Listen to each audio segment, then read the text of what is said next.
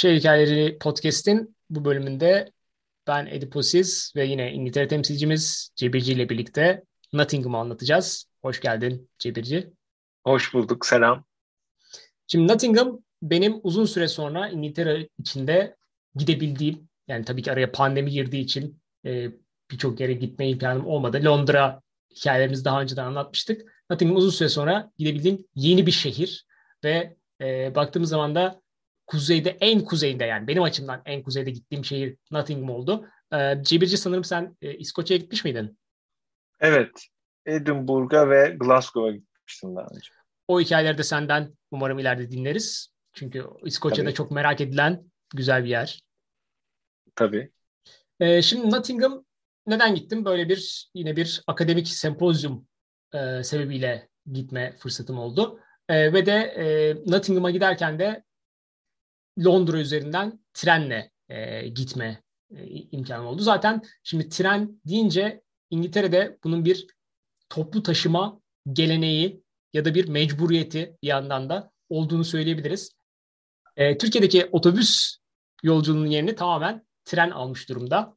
Ve e, bu trende şöyle bir olgusu var. Bournemouth'tan Londra'ya gittiğim için genelde hep baktığım zaman işte iki saatte trenle gidilebilen bir yer. Bournemouth'tan Londra diye düşünüyorum. Şimdi Nottingham'a giderken baktım. Nottingham'da Londra'dan 2 saat. Ekim ayında York'ta bir konferansa kabul aldım.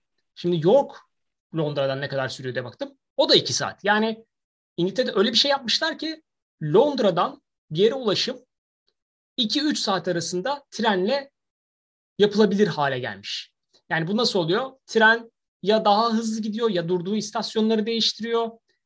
Bir şekilde o Londra'ya ulaşmayı, Londra'nın merkezine ulaşmayı öyle bir 2-3 saatin arasına indirmişler. Hatta buna diğer şehir değil sadece ülkeleri de katabiliriz. Galler farklı bir ülke sonuçta, İskoçya farklı bir ülke sonuçta. Oralara bile işte 3-4 saatte ulaşma imkanınız oluyor Londra merkezinden tren sistemi sayesinde. Hatta Londra'nın birazcık çevresindeki yerlere giderseniz daha da kısa, kısalıyor bu mesafe. Mesela daha kuzeyde ben Manchester'da gitmiştim. Orası da iki buçuk saat mesela.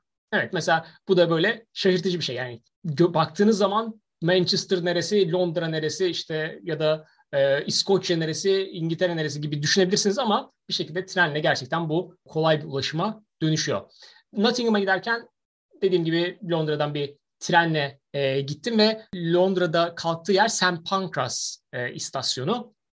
Ve St. Pancras da aslında Londra'nın yurt dışına yani Avrupa tarafına, Avrupa kıtasına geçiş için e, kullanılan yeri. E, oradaki tabelaya baktığınız zaman da işte trenler Paris, Amsterdam ama benim hayatlar Nottingham oldu o gün. O günkü yolculuğum sebebiyle. Oradan daha önce Paris'e gitme imkanım olmuştu Eurostar'la. Tabii orada da şu ilginç. Ben o zaman Paris'e Eurostar'la gittiğimde sanki sadece Paris'e o direkt tren var gibi hatırlıyordum ama geçen de bir baktım Amsterdam'a da, e, Brüksel'e de o St. Pancras'tan bindiğiniz zaman yine neredeyse 2 saatte 3 saat arasında bir yolculukla o şehirlere de trenle varma şansınız oluyor Londra'dan. Yani Londra gerçekten e, İngiltere'de böyle bir tam anlamıyla bir hub haline gelmiş durumda. Ya bu arada o trenin bir süre denizin altından da geçtiğini de belirtelim. Evet o meşhur Manche e, denizin altından geçen tünel ve e, yani o tünelin hikayesini tabii başka bir Paris bölümünde anlatırım ama e, hep böyle gitmeden önce ilk defa öyle bir deneyim yaşadığım için böyle bir şekilde bir denizle bir alakasının olacağını düşünmüştüm ama kap karanlık, zifir karanlık bir tünelden geçiyorsunuz o geçişi yaparken.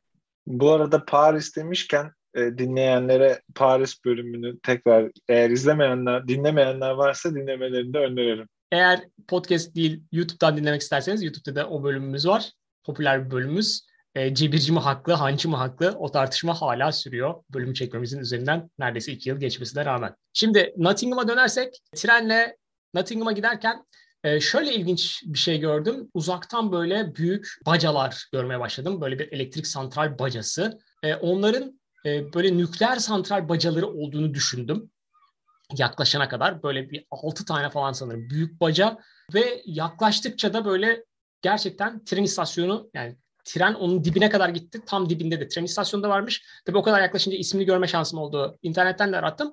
Meğersem hala aktif olan kömür termik santralleriymiş. Yani İngiltere'nin e, göbeğinde hala çalışan bu kadar büyük kömür termik santral olmasına açıkçası şaşırdım. Ama tabii ki şu anki e, dünyanın konjonktürünü düşündüğümüzde o santraller e, değere binmiş durumda maalesef. Maalesef diyorum çünkü çevre açısından zararlarını biliyoruz. Ama e, şu anki petrol ve doğal gaz fiyatlarının e, yükselişinden ötürü de şu anda o santrallere tekrar sarılmış durumdalar. E, bu elektrik üretiminin sağlanması amacıyla. Yani bu bahsettiğim yerde Nottingham'a çok yakındı. Belki yarım saat mesafede trenle. Londra'dan da sadece bir buçuk saat mesafede bir yerden bahsediyorum. İngiltere'nin en büyük kömür termik santralleri hala orada aktif bir şekilde çalışıyor. Bu mesela görünce beni şaşırtmıştı açıkçası. Şimdi Nottingham'a e, vardım ve o gün şöyle bir plan yapmıştım. E, Nottingham'a yaklaşık öğleden sonra 2-3 gibi varacaktım. E, Nottingham'da tabii ki baktığım zaman ilk olarak e, bana gösterdiği şey Nottingham'da Nottingham şatosuydu. Nottingham kalesiydi. Kalesi olarak söyleyebiliriz. Senin aklına Nottingham deyince ilk olarak ne geliyor? Valla açıkçası çok fikrim yok ama bir yani futboldan bir Nottingham Forest takımı aklıma geliyor. Yani ben, bana yaptığı çağrışım oluyor ama onun dışında valla açıkçası çok bilgim yok. Şimdi mesela Nottingham Forest evet çok büyük bir takım. Sebebi de kendileri iki kez Avrupa'nın en büyük kupasını kazanmış takım. 79 ve 80'de. Şu anda bizim ucundan köşesinden yaklaşamadığımız e, bu Şampiyonlar Ligi'ndeki bırak e, ilerlemeyi gruptan çıkma gibi sanırım en son Beşiktaş'ın başardığı bir şeydi. Yapamadığımız şey de bu Nottingham Forest zamanında Real Madrid'in aldığı o büyük kupayı 79 ve 80'de almış. Şimdi ben dönüp baktığımda da şöyle bir şeyle karşılaştım. Nottingham meğersem Home of English Sport diye geçen bir şehirmiş. Çünkü burada işte National Ice Center'da var, Water Sports Center'da var. İçinden Trent Nehri geçiyor. E, o nehirde yapılan sporlar var. E, uluslararası bir e, krik, kriket sahası var. Üstüne de e, iki tane güçlü futbol takımı var. İşte Notts County e, ve de Nottingham Forest. Nottingham Forest da tekrar Premier Lig'e de döndü. Dolayısıyla böyle bir meğersem bir yandan da spor şehriymiş. Yani Nottingham Forest'ın aklına gelmesi e, normal diye düşünebiliriz oradan. E, Nottingham'da e, bir de başka bir tarihi figür var. Herkesin aklına gelen Robin Hood. Yani Robin Hood aslında e, Nottingham'la özdeşleştirilmiş e, bir isim. Robin Hood ismini herhalde e, duymayan yoktur. Senin Robin Hood deyince aklına gelenler neler? Robin Hood'un zenginden alıp fakire veren bir figür. Aslında hırsız bir yandan ama eşkıya da denilebilir. Öyle bir arkadaşımız. Ama Nottingham Robin Hood'u öyle bir sahiplenmiş ki nereye gitseniz Robin Hood'u görüyorsunuz. Yani bu restoranların tabelasından işte berberlerin ismine kadar her tarafta e, görebileceğiniz bir isim e, Robin Hood. E, oradaki İstanbul kartın Nottingham versiyonu düşün. Onun ismi bile Robin Hood'da bir şekilde gönderme yapılan bir kart e, orada. E, dolayısıyla böyle Robin Hood'u fazlasıyla sahiplenmişler. Nottingham Kalesi de e, buna hizmet eden bir şekilde Robin Hood Experience diye bir şey de satıyordu. E, müze girişiyle birlikte onu da aldım. Yani o Nottingham Kalesi planıma dahil ettim o gün öğleden sonra vardığım için kapanmadan önce gideyim diye. Kalenin hemen önünde de bir tane Robin Hood heykeli de var o heykelle insanlar işte kaleye girmek istemeyenler en azından gidiyorlar o heykelin yanında bir resim çektiriyorlar. E, kaleye girdiğimde de yani kalenin içi normal bir e, şey gibi. Kaleye dair çok bir şey görmüyorsunuz da içerideki binada daha çok böyle bir sanat galerisine dönmüş. Yani Londra'da Nation Gallery'e gittiyseniz ya da işte birazcık British Museum'u andıran işte Nottingham'ın tarihinden parçalar gibi şeyleri görebildiğiniz bir müze var orada. Yani Nottingham'ı anlamak istiyorsanız evet Nottingham Kalesi'ndeki o e, müze tarafına gitmenizi tavsiye ederim. Mesela orada öğrendiğim bir şey tabii bu herhangi bir şehrin bu özelliğe sahip olmasını beklemezdim ama Nottingham me- meğersem zamanında Dantel'in merkeziymiş. Dantel'in başkentiymiş. Yani Nottingham'da böyle bir e, endüstri varmış. Herhangi bir şehirden bekleme, beklemezdim dediğim. Yani Dantel'le ilgili bir şeyin bir yerin sembolü olmasını beklemiyordum ama orada ona ait böyle exhibition'lar var mesela. Bölümler var. Geçmiş.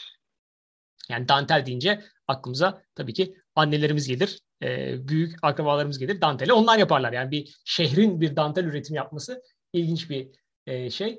E, tabii zamanında bu bir endüstriymiş ve tabii ki tahminim benim daha Çin'e ya da diğer ülkelere geçince artık kaybolmuş bir endüstriye dönüşmüş durumda. Ama mesela şeyi bile gördüm. İkinci Dünya Savaşı sırasında insanlara moral vermek için dantelden yapılmış böyle posterler gibi şeyler bile gördüm o e, müzenin içerisinde. Bir yandan da böyle cam işlemeciliğinde de öne çıkmış bir yermiş. Ona dair şeyler de var e, müzenin içerisinde. Robin Hood'la ilgili bir şey soracağım. Bu arkadaş bireysel bir arkadaş mı yoksa böyle bir ekibi var mı? Yani böyle eşkıya bu işleri yani yalnız başına mı yapıyormuş acaba? Ben hiç edebiyattan da veya şeyden de hiç takip etmedim kendisini. Şimdi mesela Robin Hood e, bildiğimiz gibi çok fazla bu popüler kültürde yer bulmuş bir figür ve ben orada işte bu Robin Hood experience'ını, Robin Hood tecrübesi tarafına da gittim. Orada da güzel bir işte böyle bir e, ekranlarla güzel bir gösteri yap, yapıyorlar. Her giren işte bir 15 dakikada bir içeriği alıyorlar. O gösteri baştan sona izliyorsun. Ve onun içinde de söyledikleri bir şey var. Robin Hood gerçekten yaşadı mı, yaşamadı mı bilmiyoruz. Şimdi böyle bir şeyle başlıyorlar. Onun haricinde İngiltere'nin farklı yerlerinde bu hikaye anlatılmış. Yani bir tane bir eşkıyanın o zenginlerden alıp ihtiyacı olanlara verdiğiyle ilgili bir hikaye farklı yerlerde anlatılmış. Ve e, Robin Hood'un evet bir ekibi var. Yani onu böyle koruyan, kollayan, yanında onunla ona sahip çıkmaya çalışan bir ekibi var. Çeşitli badireler atlatıyor ve o yanındakiler bir anda onu aslında birazcık efsaneye dönüştürüyorlar. Çünkü bu hikayede Robin Hood bir yerde ölüyor. Zaten o gösteride de şöyle diyor. Efsane olmanız için birisinin ölmesi lazım ve Robin Hood öldü ve onu anlatanlar onu efsane yaptı diyor.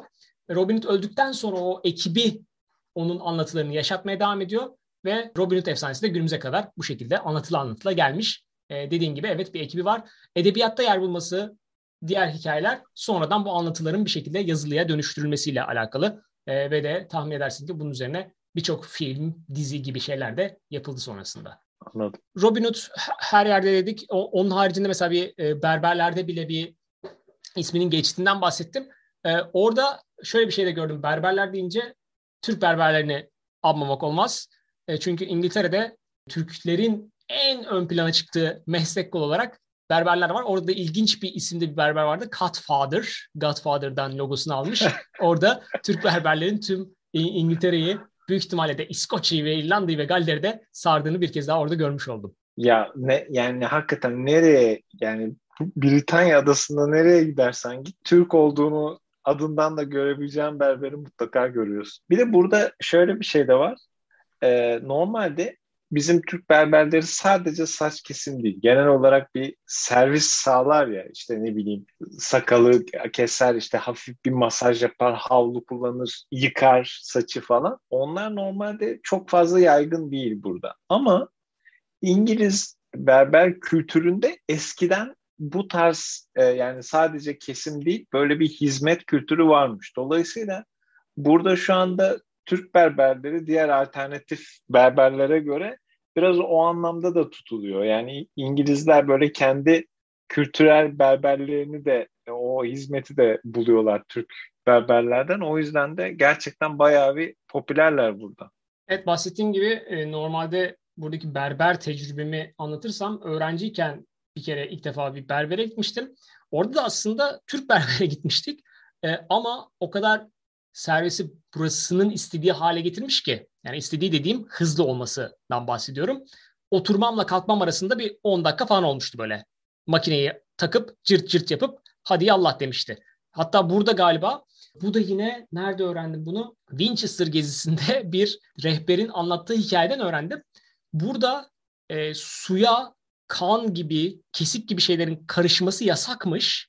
O yüzden de berberler bizdeki gibi o lavaboyu hemen e, şeyin önünde bu kadar rahat kullanamıyorlar. Buradaki suya gerçekten verilen ekstra bir önem var.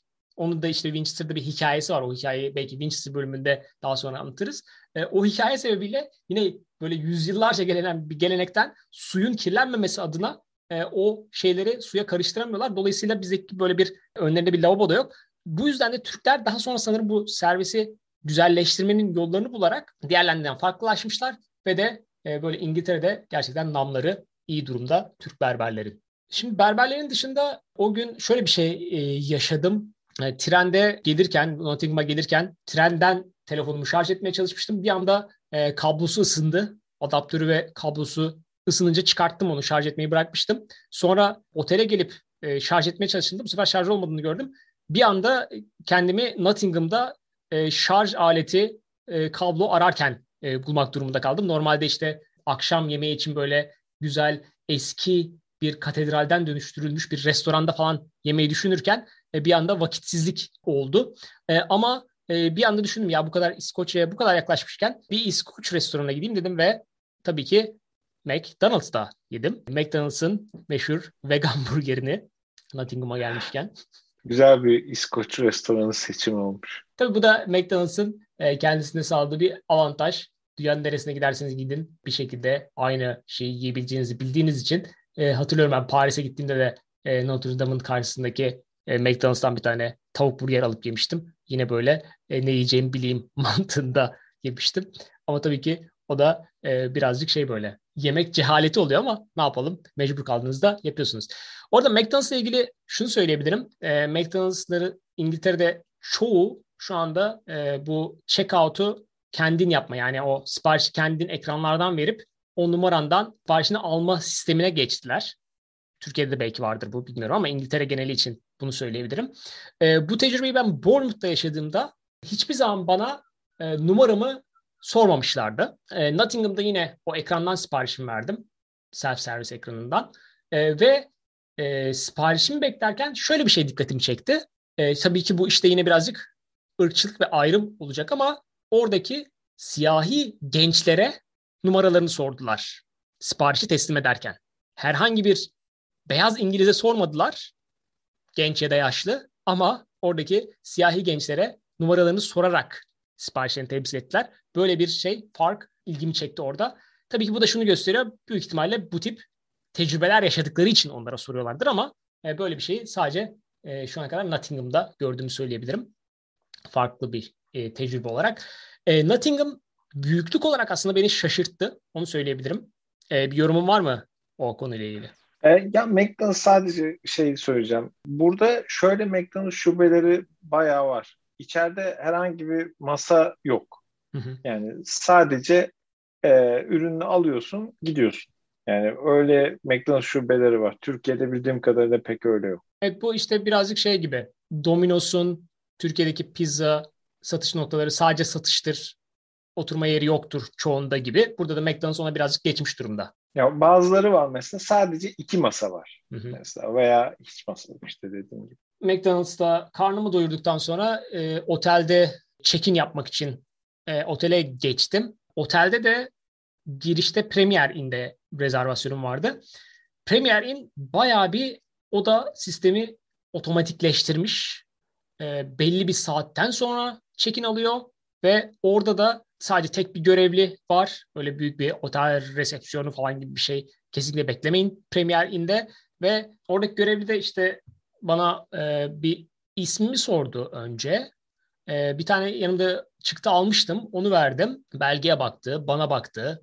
Sonra işte bir referans numarası kontrol için başka bir belge var mı dedi. Dedim yok sadece bu belge var. Are you a doctor? dedi. Evet dedim yani ne sandın? Evet o benim. Yani halbuki boynumda fularım da vardı ama yani üşümüştüm oradan gidip bir Primark'tan bir tane fular almıştım. Benim doktor olduğumu sanırım konduramadı oradaki resepsiyondaki görevli ve e, anca ben onayladıktan sonra ismimin o olduğuna inandı ve e, çekinimi gerçekleştirdi. Büyük terbiyesizlik yapmış. Buradan o görevliyi kınıyorum. Ve ey Premier yine ailesi lütfen böyle görevlileri bulundurmayın. Sayın Ediposis'in doktor olduğunu herkes ilk görüşte anlamak zorundadır.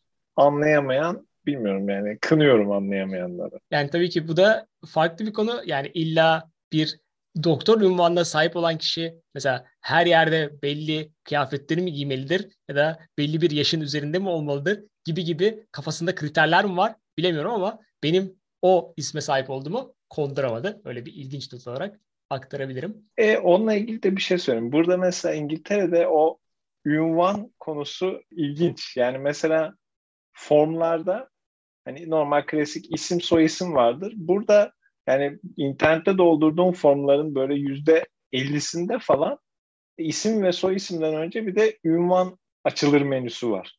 İşte orada işte Mr., Mrs. falan işte onların içinde doktor da var. Mesela benim gibi normal sıradan adi diyelim kelime olarak insanlar Mr. seçerken Sayın Ediposis gibi insanlar orada DR seçiyorlar ünvan olarak. E, burada da o ünvanlarla ilgili öğrendiğim bir şey okuldan çocukla ilgili bir belge geldiğinde master ünvanıyla yazıyordu. Biz de ha ha ha yanlış yazmışlar. Mister yazacaklarına master yazmışlar diye düşünmüştük.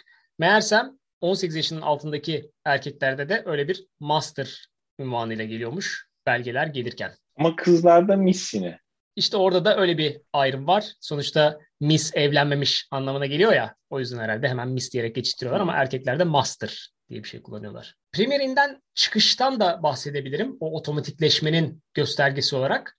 Normalde girerken de görmüştüm de konduramamıştım. Çıkarken şey yazıyordu. Checkout için kartı kutuya bırak. Yani odaya giriş için kullandığımız o manyetik işte anahtar gibi kullandığımız kartı, ışığı yakmak için kullandığımız kartı orada kutuya bırak yazıyordu. Çıkarken baktım görevli de yok, kimse de yok. Gerçekten kutuya mı bırakacağım acaba diye. İçeriden de bir tane görevli dayanamadı çıktı. Are you okay? Bir problem mi var falan gibi.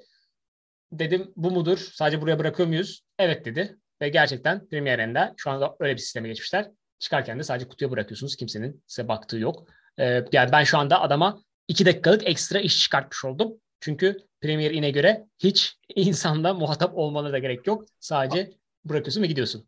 Aynı görevli mi? Yok farklıydı. Öbürünü kovmuşlar tamam. sanırım senin bu uyarından sonra. Yani evet biraz geç kalmışlar ama yine de güzel. Şimdi e, orada bahsedebileceğim başka bir noktada yani Nottingham beni şaşırttı. Şöyle bir anlamda şaşırttı. Şimdi Bournemouth turistlerin geldiği zaman kalabalıklaşan bir yer. Onun haricinde de böyle işte sadece öğrencilerin ve e, yaşlıların olduğu bir yer diye biliniyor. Ve hiçbir şekilde bir büyük şehir havası hissetmiyorsun. Yani gerçekten e, pazar günü burada bomboş olur gibi klişeler var. Ama Nottingham gerçekten canlı bir şehirdi. Yani Nottingham'ın merkezinde e, sürekli bir insan kalabalığı vardı. Alışverişe girenler, çıkanlar, kafelerdeki insanlar, genç nüfus da gözle görülür bir şekilde vardı. E, sonrasında da baktım gerçekten Nottingham tarihi olan, geçmişi olan bir şehir olduğu için e, şu anda da yani 750 binden fazla nüfustan bahsediyoruz. Zaten İngiltere'de 1 milyon üzerinde nüfus olan sadece birkaç şehir var. Nottingham'da böyle İngiltere'nin Midlands bölgesi, orta bölgelerinde olmasına rağmen o büyüklüğü geçmişiyle e, yaşayan ve büyük bir şehir olarak e, beni şaşırttı diyebilirim. Buna ben de şaşırdım. Yani ben daha küçük kasaba vari gözlemler anlatacağını düşünüyordum. İşte mesela burada bizim tam olarak İngiltere geçmişini tam bilmememizle alakalı olarak şunu söyleyebilirim. E şimdi mesela York gittiğim zaman büyük ihtimal orası da beni şaşırtacak. Çünkü York için e, baktığım zaman şunu görüyorum. Şimdi Avrupa'dan bu gelen ilk kavimler vesaire geldiği zaman denizden geldikleri için yani bu İngiltere'nin güneyinden gelelim, kuzeyinden gelelim diye bir seçim yapmıyorlar sonuçta. Mesela York'ta o Avrupa'dan gelenler sebebiyle zamanda çok büyümüş. Roma'nın önemli şehirlerinden olmuş bir yermiş.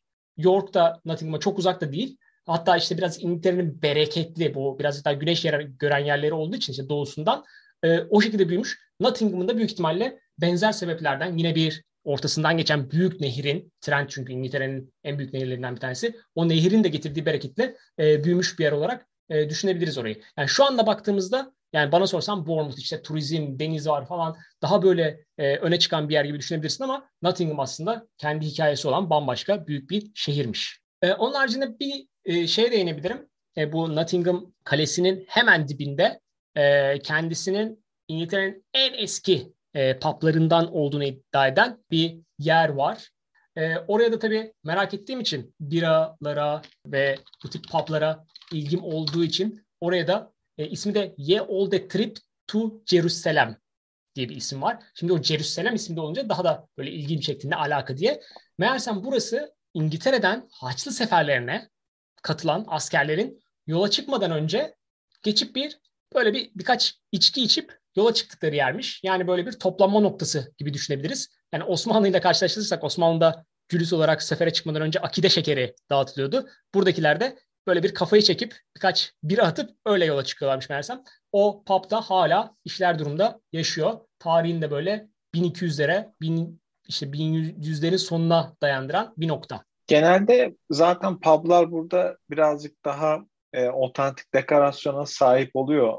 Orası özelinde nasıldı? O eski tarihi izleri görebiliyor musun içeride? Şöyle içerideki anladığım kadarıyla e, yapıyı bozmamışlar. Bu kale bir tane kayalığın, büyük bir kaya parçasının üzerine kurulmuş durumda ve bu da kalenin hemen altında olduğu için pub'ın içinde de o kayanın izlerini görebiliyorsunuz. Yani bir duvar kayaya dayanmış durumda. O büyük kayaya dayanmış durumda. Tabii şunu da söyleyeyim. İngiltere'de pubların da böyle bir e, şey kokusu vardır. Nasıl söyleyeyim böyle ıslak bezle e, pisuar karışımı böyle bir içkinin de damlatıldığı bir kokusu vardır. Orası da böyle iyice eski olduğu için o kokuyu rutubetle karışık iyice hissettiğiniz ve eskiliğinden emin olabileceğiniz bir yere dönüşmüş durumda. Ama bir yandan da e, servis olarak da sürekli servis yapılıyor ve işte saat 4-5 gibi tekrar bir ertesi gün sempozyumdan sonra gitme şansım oldu. Üst katlarında hiçbir masa boş değil. Hepsi rezerveydi ve sürekli bir şekilde girenler çıkanlar çok büyük kapasitesi de yok ama olan kapasitesinde sürekli sonuna kadar kullanan bir yer. Peki şey içecek olarak farklı bir şey denedin mi orada? Şöyle e, orada birazcık yani ne kadar gerçektir değildir bilmiyorum ama işte özel eski usule göre yapılmış bir tane ale vardı. E, oranın özel ale'i. Onu denedim. E, tadı güzeldi. E, onu da bir ara işte isim hakları sebebiyle başka bir üretici üretmiş de sonra tekrar geri almışlar gibi durumlar var. Hala öyle bir özel kendilerine özel yerel bir şeyi de servis etmeye devam ediyorlar. E, güzeldi onun tadı da. Nottingham'ın kendisine dair e, notlarım böyle. Dönüş treniyle ilgili e, şöyle bir şey tekrar söyleyebilirim. Yani tren gerçeği İngiltere'deki bu tren alışkanlığının gerçeğiyle ilgili. Şimdi dönüş trenine bindim ve işte İngiltere'de biletli bir yerde oturmanız da aslında çok nadirdir. Yani böyle özellikle first class almadıysanız ya da böyle özel rezerve etmediyseniz boş bulduğunuz yere oturuyorsunuz ve orada da şöyle bir şeyden de ben şu ana kadar çok yanıldım açıkçası. Trenin hangi tarafa gideceğini de kestiremiyorsunuz. Öyle de bir durum var. Çoğu istasyona zaten ilk kez gitmiş oluyorsunuz. Yani kendimden çok emindim hangi tarafa gideceğine dair. Oturdum ama tam tersi yöne hareket etmeye başladı. Ee, bir süre sonra yerimi değiştirmek zorunda kaldım. Sonra da mesela e, oturduğum yerde de yanımda oturan arkadaş bir anda bir kutu çıkardı. içecek kutusu ve pıs diye açtı ve gin tonic. Mesela trenlerde böyle bir şeyde de bir sınırlama da yok. Yani yanınızdaki çok yüksek alkollü olmayan bu kabul edilebilir alkol seviyesinde diyelim. İşte gin tonic'inizi, cider'ınızı, biranızı da içip yanında krakerinizi yiyebiliyorsunuz. İşte yemeğinizi tabii ki illa alkol içmek zorunda değilsiniz yani. Orada e, alkolsüz içkinizi. Hatta e, çoğu trende de satışı da yapılıyor.